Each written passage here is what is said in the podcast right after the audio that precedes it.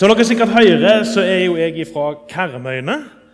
Karmøys beste vestkant, sentrum av Holmen, Veavågen. Eh, Det er jo ikke noen nyhet for dere i Stavanger at det er Karmøybuer. De styrer jo både fotballen og byen. Så ser vi jo for øvrig hvordan det går. Eh, ja, men det er, det er kjekt å komme til Stavanger. Eh, Jeg sa det i går kveld på ungdomsmøtet òg, at jeg liksom satt og girte meg opp i går, i går når jeg skulle reise. Eh, Og jeg har savna deg, Stavanger, og Stavanger, du er et siddesland og hele pakka. Og så taper jo Viking, da, så går jo hele den. Det er Viking-CD-en, for de som ikke kjenner det igjen. Og det er liksom meg. Jeg jobber i NLM, Region Øst. Sitter på et kontor, prøver å tilrettelegge for barne- og ungdomsarbeid i de syv østlandsfylkene. Det bor 2,3 millioner mennesker i Region Øst. Halvparten av de er under 18 ca. og så prøver jeg å komme meg ut litt av og til. Det er ikke så mye nå som før eh, at jeg får anledning til å komme rundt og preike, men desto kjekkere er det. Og så er det jo kjekt å være her i Stavanger og kunne snakke sitt eget mål og sitt eget språk uten å måtte legge om til østlandsk, og at folk for det om tror at du er svensk. Så det er jo greit. Så jeg snakker ren karmedialekt. Det håper jeg går greit for de aller fleste. Hvis ikke får dere få en tolk på sida av dere. eller et eller annet. Eh, Prekenteksten denne søndagen, den 17. søndag etter pinse, er henta fra evangeliet etter Lukas, det 7. kapittel, og versene 11 til 17. Vi kan godt reise oss, syns jeg.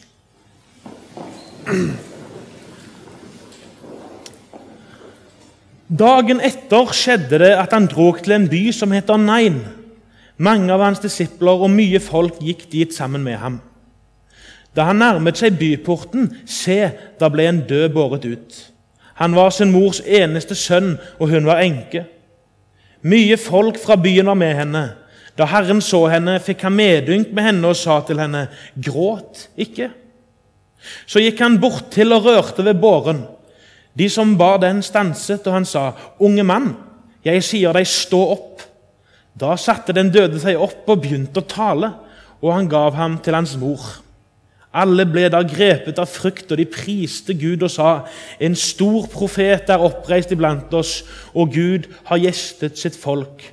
Og dette ordet om ham kom ut i hele Judea og i hele landet der omkring. La oss be. Kjære Gud, takk for ditt ord til oss, takk for ditt evangelium til oss i dag. Bevare oss i sannheten, ditt ord er sannhet. Amen.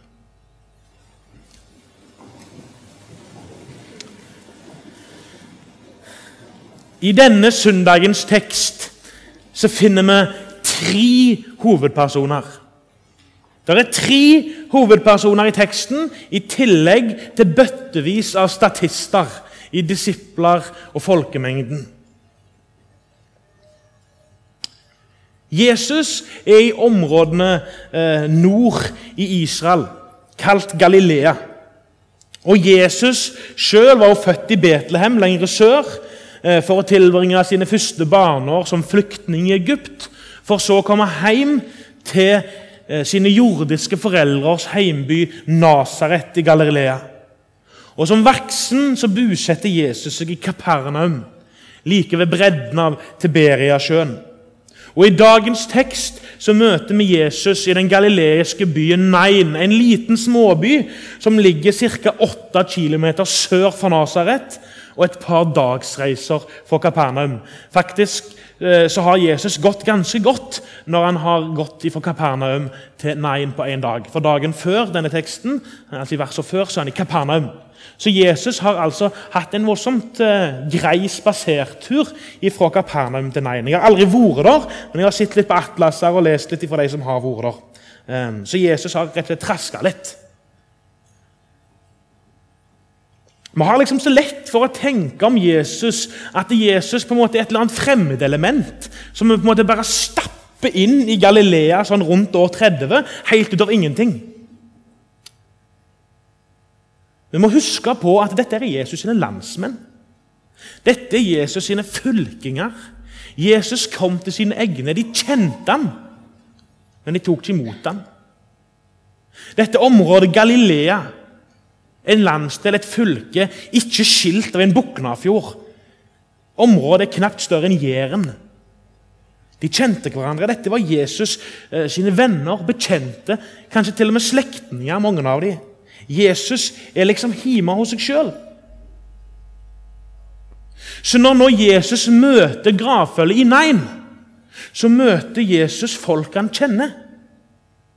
Han kjente kanskje til og med personlig enka og denne gutten som var død. Det er åtte kilometer sør for heimbyen. Åtte kilometer, Det er ikke lenger enn fra Kåparvik til Vea. Eller herifra til Viking stadion. Berglands gate 38. Det er 7,4 km herifra til Viking stadion. Det er ikke sånn fun fact som jeg bare vet, men jeg googla det. Det er ikke langt. Det er hinna. Og det gravfølget som møtte Jesus etter å ha vandra den lange distansen fra Kapernaum, det gjør inntrykk på Jesus. Altså Gravfølger i Norge gjør jo på sett og vis inntrykk på en sjøl. I alle fall hvis en er midt oppi det. Men der jeg bor hjemme på Vea, så blir liksom båra og seremonien og alt det blir helt i bedhuset. i Vea sentrum. Eh, og så må de ta båra og gå i gravtog over hovedveien, hovedveien til eh, gravplassen. Og Da må jo alle stoppe opp for å la dette gravfølget passere. Et tog av svartkledde mennesker, og det er ikke en lyd. De går seint bak bårebilen. Det er noen småhikst, det er alt. Så stopper vi opp bilene og skrur av motoren i respekt for den døde, omsorg for de som sørger, og så gjør det et inntrykk på oss. En får en andektighet over seg. I Midtøsten derimot, en helt annen kulturhorisont. Og Dere er jo så velsigna her i Salem Stavanger at dere har greid å tatt imot våre nye landsmenn og fått eh, en del kulturinnspill. Det er mange bedehusforsamlinger rundt omkring i Norge som burde lært av dere en hel del. Og lest litt i Gamle testamentet om hva Gud sier om å ta imot den som er fremmed i landet. Et sidespor. Men altså, her er vi i Midtøsten. En helt annen kulturhorisont. De uttrykker seg mye mer kraftig enn oss. Det er et eget begrep som heter sørgekoner. De går etter dette gravfølget og hyler og skriker og griner. Og det er dette Jesus møter når han kommer inn til Nain. Og denne dagen rundt gravfølget så er jo omstendighetene ekstra triste. Ei enke som mista sin eneste sønn. Hun var alene igjen i verden. Ikke nok med at hun var alene igjen, uten ektemann, uten sønn. Om hun hadde døtre, det står det ikke noe om. Eh, men dette er på ei tid de ikke hadde Nav. Her er det ikke noen sosiale ordninger og stønader for folk som eh, ikke klarer å forsørge seg sjøl. Denne sønnen var enka sin eneste sosiale trygghet og pensjon. Jentene, når de gifter seg, så gikk de over til mannen sin familie. Eh, og hadde ikke noe forsørgerplikt for sine gamle foreldre. Og sånn er det mange plasser i, den, i verden den dag i dag. Men sønnene de hadde et ansvar overfor sine foreldre. At de skulle ta vare på dem, eh, sørge for dem både materielt og, og, og legemlig og sjelelig, altså i forhold til selskap og omsorg. Eh, det hadde sønnene ansvar for. Og Når da denne enka mister sin eneste sønn, så mister hun alt du har av sosial trygghet til pensjon. Og sine nærmeste relasjoner. Så om, om ikke det er galt nok og forferdelig nok i seg sjøl å følge sitt barn til grava, så møter hun altså en vanskelig situasjon. I Bibelen, spesielt i Det gamle testamentet, så er det to grupper mennesker som blir framstilt som de svake gruppene eh, i samfunnet. Og Det er et sånn kritikkmoment som Gud og profetene igjen og igjen påpeker hos Israel. Dere hjelper ikke den farløse til sin rett, og dere bistår ikke enka. Det er liksom de to gruppene som er aller svakeste. Den, den, det, det barnet, den gutten, den jenta som ikke har en far. Som ikke har et, eh, et sterkt vern om livet sitt. Den hjelper dere ikke til retten sin. Dere utnytter og den enka som har mista sin forsørger og sin mann, den hjelper dere ikke. Dere bistår henne ikke. Det er en forferdelig kritikk som Gud retter mot Israel gjennom sine profeter. på dette punktet. Det er de to svake gruppene i samfunnet. Det er andre ord, selvsagt, men disse blir ekstra framhevet. Denne enka var et menneske som gikk ifra vondt til verre.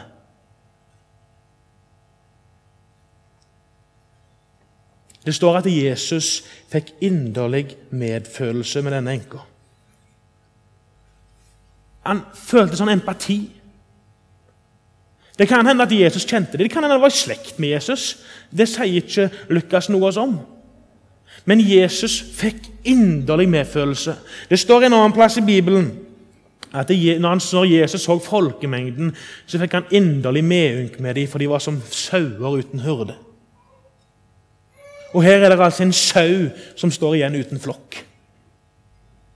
Selv om byen støtter opp om der og dør på gravdagen, så er det ei dame som står igjen uten relasjoner. Og Jesus syns synd i henne. Jesus er jo ikke først og fremst kommet til Israel for å drive og gjøre under og vekke opp døde og gjøre vann om til vin. Det var liksom ikke derfor Jesus kom som en mirakelmann som skulle underholde galileerne og lindre deres nød her og nå. Jesus kom jo ikke først og fremst for å vekke mennesker opp fra de døde, men å ta vekk dødens makt. At døden ikke lenger har noen konsekvenser. Det var derfor Jesus kom. Samtidig så er dette, denne episoden en liten smakebit på det verket som Jesus senere skulle fullføre i påsken. Da døden fullstendig skulle miste sin brodd. Det oppdraget Jesus var kommet for å gjøre. Som Guds utvalgte Messias.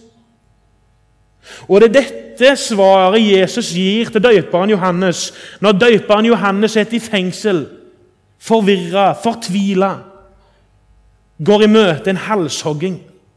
Så sender han sine disipler til Jesus, Johannes døyperen, som har pekt selv på Jesus og sagt 'Se, der er Guds lam, som bærer verdens synd'. Så sender Johannes sine disipler til Jesus, og så spør han Jesus er du den Messias som det står skrevet om, som skal komme, eller skal vi vente en annen?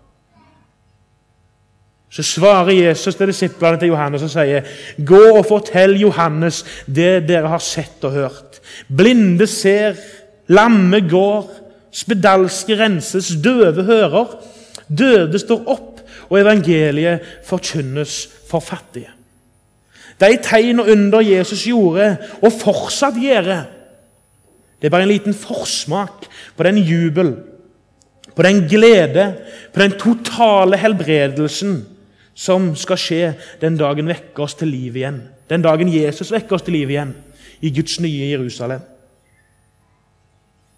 Og Det er jo òg dette som den eh, frustrerte eh, Jobb får se da han bryter ut i Jobbsbok kapittel 19 og versene 25 og 27, som er den gamle testamentlige leseteksten i dag.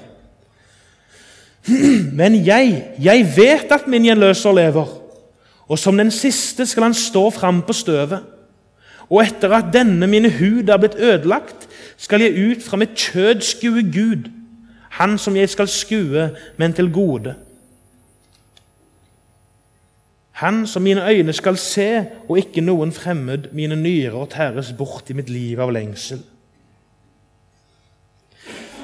Det var Norsk bibel 88. Jeg tror jeg skal lese den på Norsk bibel 78, eh, her, som jeg har her. Men jeg vet at min gjenløser lever, og som den siste skal han stå fram på jorden. Når det ikke er noe igjen av min hud og mitt kjød er tæret bort, da skal jeg skue Gud. Jeg skal se ham med egne øyne, jeg selv og ikke en fremmed. Å, jeg fortæres av lengsel. Jobb var jo virkelig en mann som visste hva det å lide var. Han visste hva det var å ha det vondt i livet. Han hadde mista alt. Jobb begynte, eller Når vi treffer Jobb i Jobbs bok, så er han en rik mann. En av de rikeste mennene som bodde der i landet som han bodde. Og Så kommer altså djevelen. Og Så går det slag i slag. Så mister først Jobb vist, eh, rikdommen sin. Og så mister Jobb kona si og hele familien sin. Og så mister Jobb til slutt sin egen helse Jobb er på mange måter selve definisjonen og all lidelses eksempel. Og Bibelen legger ikke skjul på det. Bibelen legger ikke skjul på at det er lidelse i dette livet. Bibelen er helt åpen og ærlig på det. Bibelen er helt tydelig i forhold til to områder av vår lidelse. Det første, og det som er vanskeligst å forholde seg til, synes jeg, det er at vår lidelse er helt fortjent. Det er en konsekvens av den synd og den ondskap som vi sjøl har valgt. Vi sto i lag med Adam og Eva den dagen de brøyt Guds bud og åt av den forbrutte frukten. Og hver dag siden har vi brukt vårt liv på å bekrefte at vi er full av synd og ondskap. Vi søker kun vårt eget beste. Vi bryr oss ikke om den farløse eller om enka. Eller andre svake grupper i samfunnet i Norge i dag som kunne tatt fram. Døden kom inn i verden med oss mennesker. Og Det var ikke bare mennesker som ble lagt under død, det var hele naturen. Den andre leseteksten i dag er henta fra Paulus' brev til romerne i det åttende kapittel, vers 18-23.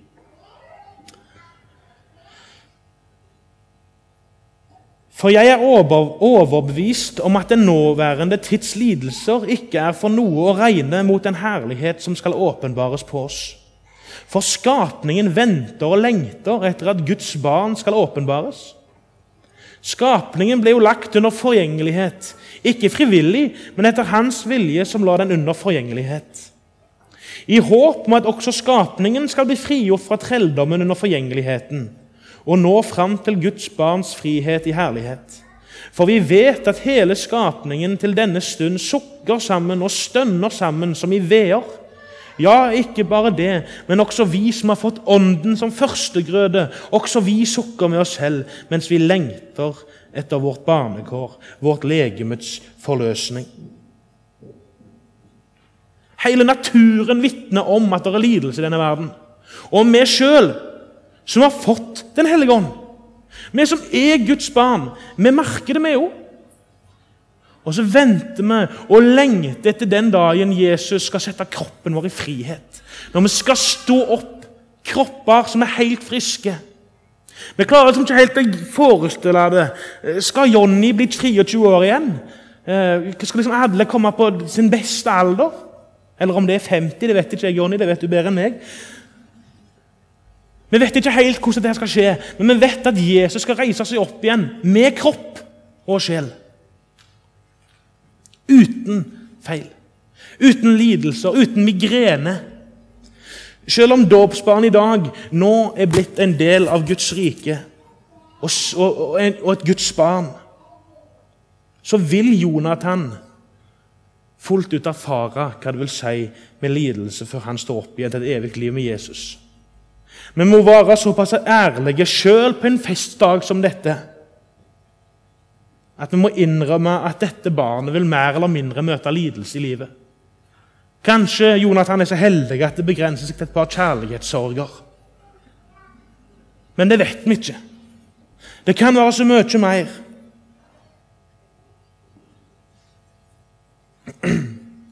Det er slik livet er. Vi vet ikke hva som kommer. Det har ingenting med Trond Arne og Kristelig å gjøre. Det betyr ikke at de har oppdratt Jonathan dårlig, selv om det kanskje Jonathan skulle møte en del lidelse i livet. Det bare er sånn. Vi har arva menneskets skyld kollektivt som menneskehet. Vi er alle en del av det, men det slår ut individuelt. Det slår ut på konkrete personer. Det slår ut på jobb. Og Det fører oss over på det andre punktet som Bibelen er tydelig på i, forhold, eh, i møte med lidelsen. Det er ingen direkte sammenheng mellom en konkret individuell synd og en konkret individuell lidelse. Vi har arva skylda kollektivt, men det slår ut individuelt. Jesus sjøl sier jo dette her ettertrykkelig i evangeliet eh, etter Johannes i de tre første versene i kapittel 9. Og Da han gikk videre, så han en mann som var født blind. Hans disipler spurte ham, 'Rabbi, hvem har syndet, han eller hans foreldre, siden han ble født blind?' Jesus svarte, 'Verken han eller hans foreldre har syndet,' 'men det har skjedd for at Guds gjerninger skulle åpenbares på ham.' Og igjen får vi se en maktdemonstrasjon fra Jesus når han gir denne mannen, som er født blind, synet igjen. Og igjen så får vi et vitnesbyrd på at Jesus er sterkere enn dødskrefter. Jesus er sterkere enn forgjengeligheten. Og den lidelsen vi eventuelt mer eller mindre hver av oss må gå gjennom på denne jorda, den står ikke i forhold i det hele tatt til den herligheten Jesus en gang skal vekke oss opp til. Det er ikke likt på begge sider av likhetstegnet. Men så har aldri Gud sin matematikk vært logisk for meg. At Jesus blir dømt for mine synder, så går jeg fri og rettferdig. Jesus' sin matematikk den er så mye høyere enn det vi kan studere på universitet eller videregående skole. Det er ikke likt på hver side av likhetstegnet, etter vår forstand. Jesus erklæres skyldig for mine synder, og jeg tilregnes rettferdighet. Vi kommer til å møte lidelse i verden. Det kommer til å skje vonde ting i våre liv. Men en dag så skal Jesus i sitt fullendte rike slette alt ut.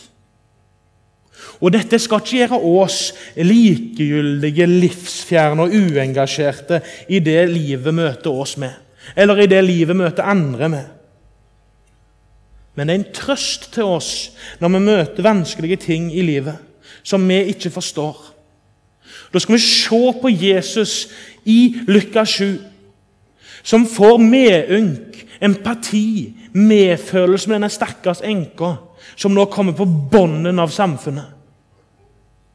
Og Så skal vi se hvordan Gud griper inn, reiser opp igjen denne sønnen. Og så er det en demonstrasjon på at Jesus han er sterkere enn alt. Uansett hvor store dine problemer er, så er Jesus større. Det kan godt hende at du må smøre deg med en smule tålmodighet. Men en dag, når du kommer til Guds fullendte rike, da skal alle problemene dine være vekke. Den dagen du våkner opp og får skue Gud og får bli Han lik. Da skal hvert bønnesvar bli tydelig for deg. Og så er dette høstens påskedag. Den dagen vi skal få lov til igjen å minnes om, selv om alt rundt oss dør og blir gult, at jorda er lagt under forgjengelighet, så skal vi likevel ha trøst i at en dag så skal Jesus komme med en ny vår. Og en sommer som aldri går over til høst. Det skal vi få lov til å være med på alle. Vi innbys av Gud. Det er dette vi har vært med ført Jonathan inn i i dag. Og så er det deres oppgave som forsamling, som Guds kirke på jord, å styrke ikke bare Jonathan, men hverandre. Sette mot i hverandre. Og så lenge det heter dag, hjelpe andre mennesker til å se at det er håp i dette livet. Kjære Jesus. Takk for at ikke du er en sånn fjærende Gud som er likegyldig i forhold til det som skjer hos Jesus. Takk for at du er her. Takk for at du er hos oss. Kjære Jesus, du har medfølelse med oss, Jesus. Må du hjelpe oss at vi kan ha medfølelse med hverandre. Må du hjelpe oss at vi ser til at den farløse får sin rett, eh, og den enka eh, som er blant oss, får det hun har krav på.